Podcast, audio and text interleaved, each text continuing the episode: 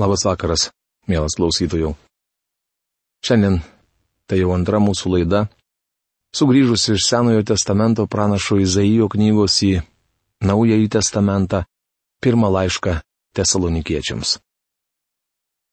Praėjusioje laidoje mes su jumis pradėjome nagrinėti pratarmę, kuri užrašyta šio laiško pirmos skyriaus pirmoje ketvirtoje eilutėse ir apžvelgėme pirmąją eilutę. Po maldos aš perskaitysiu šią eilutę priminimui ir mes pratesime laiško apžvalgą. Dangiškasis tėve, mes dėkojame tau, kad dėl to, ką padarė Kristus Jėzus, mums šiandien atsivėrė kelias į dangų. Dėkojame tau, kad tu kiekvieną tikintį paženklinai ir pasiruošęs paženklinti pažadėtąją savo dvasę atpirkimo dienai.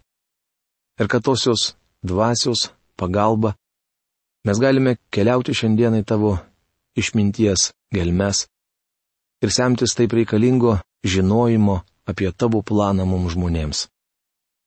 Prašom, kad tu, skaitant šį raštą, apšviestų mūsų širdis, kad tu įvestum į tiesos pilnatvę, padėtum suprasti, ką paštalas sakė tuometiniai tesalonikiečių bažnyčiai ir tinkamai viešpatė pritaikius naudoti tas dvasinės tiesas šiandien tad palaimink šį laiką. Jėzaus vardu. Amen. Paulius, Silvanas ir Timotėjus Tesalonikiečių bažnyčiai Dieve Tėve ir viešpatyje Jėzuje Kristuje. Malonė jums ir ramybė. Pirmas laiškas Tesalonikiečiams pirmas skyrius, pirma eilutė. Mes visuomet dėkojame Dievui už jūs visus, prisimindami jų savo maldose.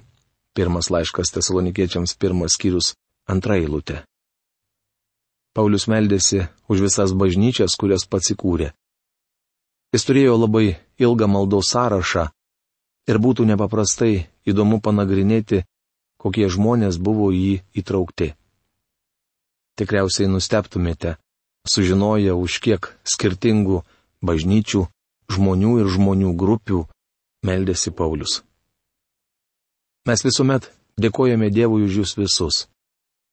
Paulius dėkoja už šią bažnyčią dėl daugelio priežasčių. Mano manimu, labiausiai apaštalą džiugino tai, kad Tesalonikos bažnyčia buvo pavyzdys kitiems. Trečia šio laiško eilutė yra viena nuostabiausių visoje Biblijoje. Ji parašyta tuo pačiu stiliumi, kokiu rašė Paulius. Joje pabrėžiamas skaičius 3. Nuolat minėdami mūsų Dievo ir Tėvo akivaizdoje, jūsų tikėjimo darbus, meilės pastangas bei vilties ištvermingumą dėl mūsų viešpaties Jėzaus Kristaus. Pirmas laiškas Tesalonikiečiams pirmas skyrius trečia eilutė. Nuolat minėdami pirmą - jūsų tikėjimo darbus, antrą meilės pastangas bei trečia - vilties ištvermingumą dėl mūsų viešpaties Jėzaus Kristaus. Tai labai svarbi šventojo rašto eilutė turinti gilę reikšmę. Joje apaštalas Paulius susijęja tris krikščioniškas malonės - tikėjimą, meilę ir viltį. Kai prisimenate apie šias tris malonės jis kalbėjo ir pirmo laiško korintiečiams 13 skyriaus 13 eilutėje. Taigi dabar pasilieka tikėjimas, viltis ir meilė. Šis trejetas. Bet didžiausia jame yra meilė. Prieš keletą metų New Jersey valstijoje pietavau su mokslininku, kuris sukūrė karščio skydą. Jis, naudojamas kosminių kapsulių apsaugai nuo temperatūros sviravimų, susidarančių skrendant į kosmosą ir grįžtant į mūsų atmosferą. Išradėjas manęs paklausė, ar kada nors atkreipėte dėmesį, kad visata padalinta į tris dalis. Atsakiau, kad niekada apie tai nemaščiau ir paklausiau, ką jis tuo nori pasakyti. Ta žmogus pasakė, kad mes gyvename fizinėme pasaulyje, kuris padalintas į laiką, erdvę ir materiją. Jis paklausė, ar aš galėčiau sugalvoti ketvirtą fizinio pasaulio dalį. Kadangi negalėjau nieko sugalvoti, jis kalbėjo toliau. Laikas padalintas į tris dalis - praeitį, dabartį ir ateitį. Ar galite sugalvoti ketvirtąją dalį? Aš vėl negalėjau nieko atsakyti, todėl jis tęsė. Erdvė padalinta į ilgį, plotį ir aukštį. Kalbama apie ketvirtąjį išmatavimą, tačiau šiame materialiame pasaulyje jis neegzistuoja. Taigi akivaizdu, jog pasaulis, kuriame gyvename, turi trejybę žymę. Įdomu tai, jog Dievo žodyje taip pat pabrėžiama trejybė. Plačiau apie tai kalbėsime nagrinėdami šio laiško penktos kiriaus 23 eilutę. Pats ramybės Dievas jūs tobulai te pašventina ir tai išlaiko sveiką bei nepeiktina jūsų dvasę, sielą ir kūną mūsų viešpaties Jėzaus ateimui. Šioje eilutėje aiškiai pasakyta, kad žmogus turi dvasę, sielą ir kūną. Jums leidus pateiksiu keletą kitų įdomių pavyzdžių iš Biblijos, įrodančių skaičiaus 3 svarbą. Ar kada nors atkreipėte dėmesį, kad pradžios knygoje paminėti tik trys Adomo sūnus? Esu tikras, jog Adomas su Jėva turėjo daugiau nei tris sūnus, nes iš jų kilo visa žmonija. Galbūt jie turėjo šimtą ar daugiau sūnų. Tačiau pradžios knygoje išvardinti tik trys - Kainas, Abelis ir Setas. Kaip jau minėjau pirmo laiško tesalonikiečiams pirmos skyriaus, trečioje eilutėje Paulius nurodo tris krikščioniško gyvenimo malonės.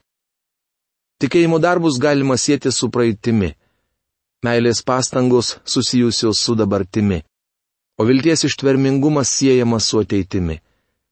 Šios trys malonės yra nuolatinės ir amžinos krikščioniško gyvenimo savybės. Tikėjimas, viltis ir meilė yra abstraktų žodžiai. Atrodo, jog jie kažkur labai toli, labai aukštai, o mes žemai žemėje. Tikriausiai jums kyla klausimas, ar įmanoma juos iš aukštybių teorijos nuleisti į realų žemišką gyvenimą. Ar įmanoma abstrakčias savybės paversti konkrečiomis? Prisimenu pasakojimą apie vieną žmogų, kuris mylėjo vaikus. Vieną dieną jis lėjo naują grindinį ir vakarop darbą baigė. Kita rytą betonas buvo išmargintas vaikiškų batų pėtsakais. Jis nepaprastai supyko ir ėmė garsiai šaukti. Šalia stovėjęs kaimynas nusistebėjo. Maniau, jog jūs mylite vaikus. Vyriškis atšovė, aš myliu juos teoriškai, bet nepraktiškai. Taigi kyla klausimas, kaip minėtus abstrakčius žodžius paversti konkrečiais ir pritaikyti kasdienėme gyvenime. Paėmė šiuos abstrakčius žodžius iš svajonių šalies archyvo, apaštalas Paulius suteikia jiems konkrečią prasme. Atkreipkite dėmesį į tai, kaip jis tai daro. Kalbėdamas apie Tesalonikos tikinčiųjų tikėjimo darbus, meilės pastangas ir vilties ištvermingumą, Paulius paminė tris svarbius dalykus. Visų pirma, jis įvardyja tikėjimo darbus. Kaip jūs nuostabu atsivertėte prie Dievo. Toliau paštalas kalba apie meilės pastangas. Tarnauti gyvam, tikrajam Dievui. Trečias svarbus dalykas paminėtas šioje eilutėje yra vilties ištvermingumas laukti iš dangaus jo sunaus. Frazė tikėjimo darbai skamba šiek tiek keistai. Šiame laiške Paulius mini tikėjimo darbus, o laiško Efeziečiams antros kiriaus 8-9 eilutėse rašo apie išgelbėjimą malonę per tikėjimą. Jūs juk esate išgelbėti malonę per tikėjimą ir ne iš savęs, bet tai yra Dievo dovana ir nedarbais, kad kas nors nesigirtų. Mano manimu, Paulius labai aiškiai parodo, jog jo teiginys neprieštarauja tam, apie ką rašo Jokūbas. Jokūbo laiško antros kiriaus 18 eilutėje skaitome. Priešingai kitas pasakys, tu turi tikėjimą, o aš turiu darbus. Parodyk man be darbų savo tikėjimą, o aš tau darbais parodysiu savo tikėjimą. Tikėjimo darbai tai būdas, kuriuo tikėjimas parodomas kitiems. Kai kas mano, kad Jokūbo laiškas ir Pauliaus laiškai tikrai vieni kitiems prieštarauja. Tačiau iš tikrųjų taip nėra, nes abu autoriai rašo apie tą patį. Tikėjimas yra žmogaus sielos atsakas į Dievo žodį. Kai žmogus atsiduoda Dievo žodžiui, jis ima gyventi tikėjimu. Apie tai antro laiško korintiečiams penktos kiriaus septintoje eilutėje rašo apaštalos Paulius. Mes čia gyvename tikėjimu, o neregėjimu. Evangelijos pagal Joną 6 skyriaus 28-29 eilutėse parašyta, kad viešpats Jėzus kalbėjo tą patį. Jie paklausė, ką mums veikti, kad darytume Dievo darbus. Jėzus atsakė, tai ir bus Dievo darbas. Tikėkite tą, kurį jis siuntė. Jis nepasakė, kad galite ateiti pas Dievą su savo darbais, bet pabrėžė, kad privalote ateiti pas Dievą tikėjimu. Tuomet gyvas tikėjimas taps matomas kasdienėme gyvenime. Šios viešpatės Jėzaus žodžius gerai iliustruoja jo mokinių gyvenimas. Paskaitykime, kas parašyta Evangelijos pagal Luką 5 skyriaus 4-5 eilutėse. Viešpats Jėzus pasakė Simonui Petrui. Irkis į gilumą ir išmeskite tinklus valksmui.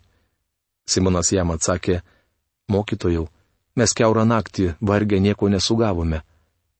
Kitaip tariant, Simonas Petras sakė, mes visą naktį žvėjojome ir nieko nesugavome, mes pažįstame šį ežerą, jokios naudos grįžti dar kartą. Tačiau atkreipkime dėmesį tai, ką Simonas Petras pasakė vėliau bet dėl tavo žodžio užmesiu tinklus. Jis sako, jog grįž atgal ir vėl žvėjos. Mano draugė, tai tikėjimo darbas. Mes turime suvokti, jog tikėjimo darbas yra paklusti Dievo žodžiui. Kas yra Dievo darbas? Tikėti Jėzumi Kristumi. Evangelijos pagal Joną šeštame skyriuje 29 eilutėje užrašyti viešpatės Jėzaus žodžiai. Tai ir bus Dievo darbas Tikėkite tą, kurį jis siuntė. Kai elgiatės taip, kaip kalba Dievo žodis, pasaulis mato, jog turite tikėjimą. Kaino ir Abelio gyvenimas taip pat iliustruoja viešpatės Jėzaus žodžius. Tai ir bus Dievo darbas - tikėkite tą, kurį jis siuntė. Tikriausiai nekartą mąstėte, kodėl Dievas nepriėmė kaino aukos. Jis buvo nusidėjėlis ne tik iš prigimties, bet ir savo pasirinkimu bei veiksmais.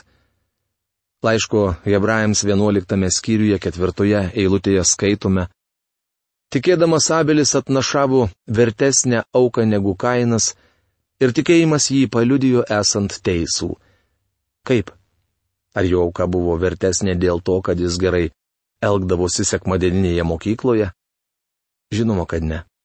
Nors Abelis buvo toks pat nusidėjėlis kaip ir Kainas, jis išgirdo žodį ir patikėjo Dievu. Patikėjęs Dievu jis tapo išgelbėtas. Atneždamas tinkamą auką, Abelis parodė savo tikėjimą. Tikėjimas yra ryšys tarp tikinčiojo ir Dievo. Jis perdoda jo žodį jūsų širdžiai ir jūs atsiliepiate.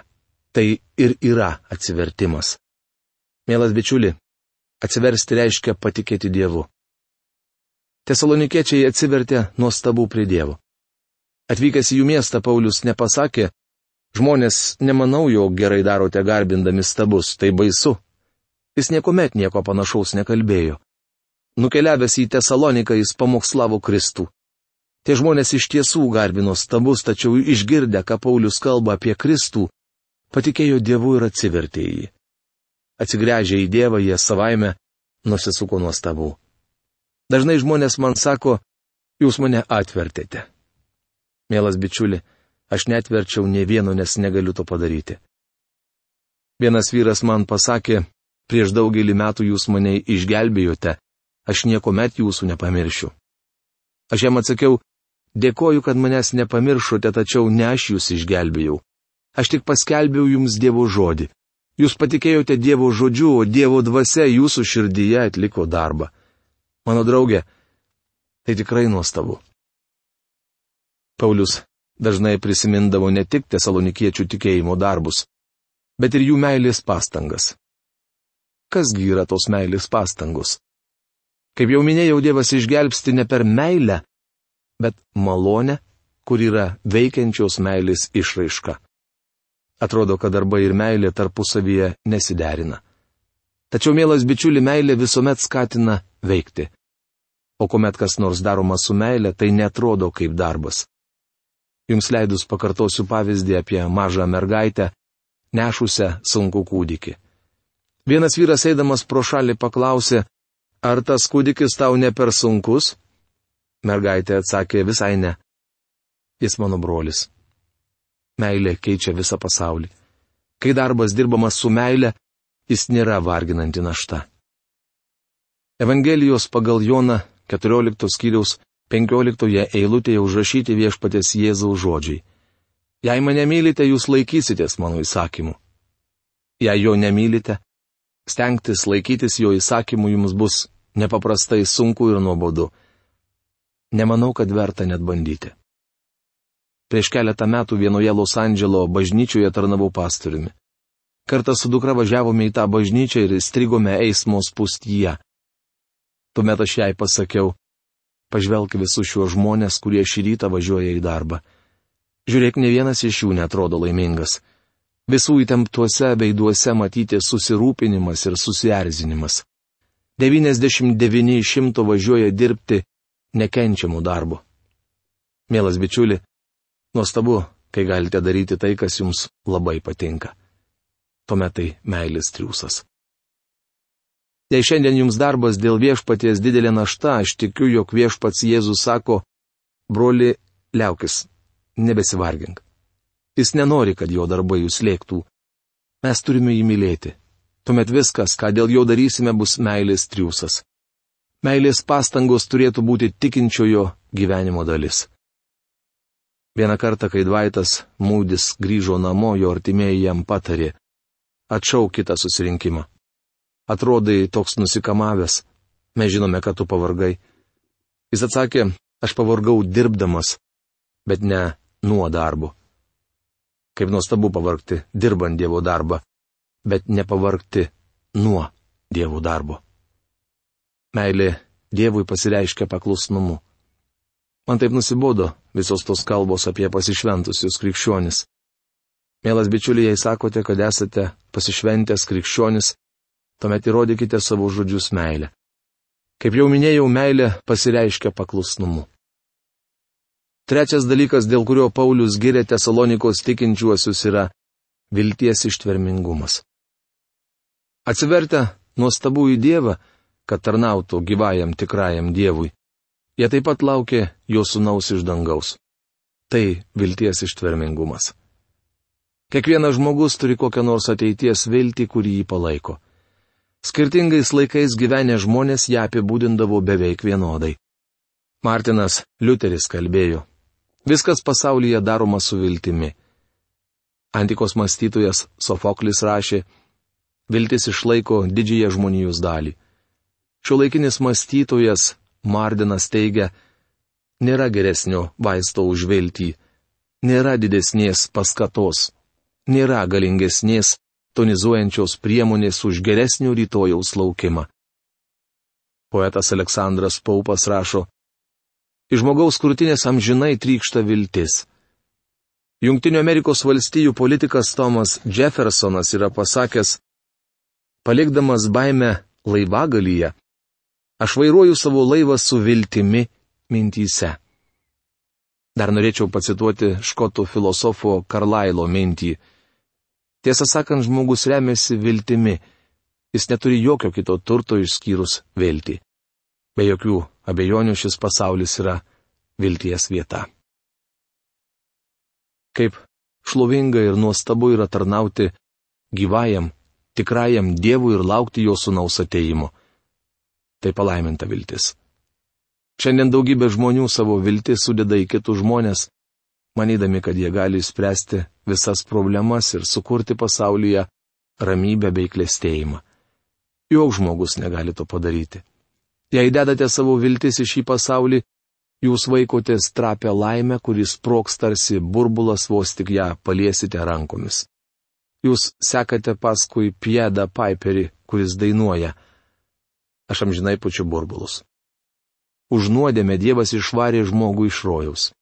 Nuo to laiko žmogus pats bando sukurti rojų. Ištisus šimtmečius bažnyčia mane, jog stato dangaus karalystę, tačiau įklydo. Dievas neleido žmogui amžinai gyventi nuodėmėje ir mes galime būti jam už tai dėkingi. Kai kuria nors valstybė ištinka krizė, jos vadovai sako, mes kaip nors išsikapstysime. Vokietijos imperatorius Frederikas Didysis yra pasakęs, laikas, kuriuo gyvenu, yra neramus. Mano viltis Dieve. Mielas bičiuli, į ką šiandien sudėtos jūsų viltys? Ar jūs dedate savo viltis į kokią nors politinę partiją ar žmogaus sukurtą organizaciją? Dieve pasigailėk kiekvieno, kuris vilėsi mažu trapiu žmogaus vairuojamu laiveliu. Nemanau, kad koks nors žmogus, partija ar žmonių grupė gali išspręsti šio pasaulio problemas. Šio pasaulio skeptras yra vinių pervertose rankose ir jis išties jį reikiamų laiku. Žinau tik vieną.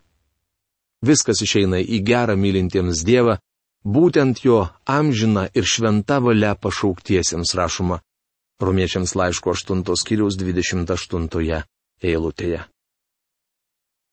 Taigi pirmame laiške tesalonikiečiams Paulius tikėjimą, meilę ir viltį susiję su trimis krikščioniško gyvenimo laikmečiais. Visų pirma, jis mini tikėjimo darbus. Tai darbai padaryti po atsigrėžimo į kryžių. Toliau paštalas pamini meilės pastangas. Tai meilė įkvepianti Dievo vaiką tarnauti Kristui. Vėliau kalbama apie vilties, žvelgiančios į ateitį ištvermingumą. Mielas bičiuli, kokia nuostabi krikščioniškų malonių trejybė. Tokia turėtų būti kiekvieno krikščionio biografija. Vėliuosi, kad apie jūsų bažnyčią galima pasakyti tą patį, ką apaštalas Paulius rašė apie Tesalonikos tikinčiuosius. Šio laiško pirmos kiriaus ketvirtoje eilutėje Paulius ima nagrinėti kitą didžią tiesą. Mes žinome, Dievo numylėtieji broliai, apie jūsų išrinkimą. Taip skamba ketvirtoji šios kiriaus eilutė. Bet ją nagrinėsime jau kitoje mūsų laidoje. Iki greito sustikimo. Sudė.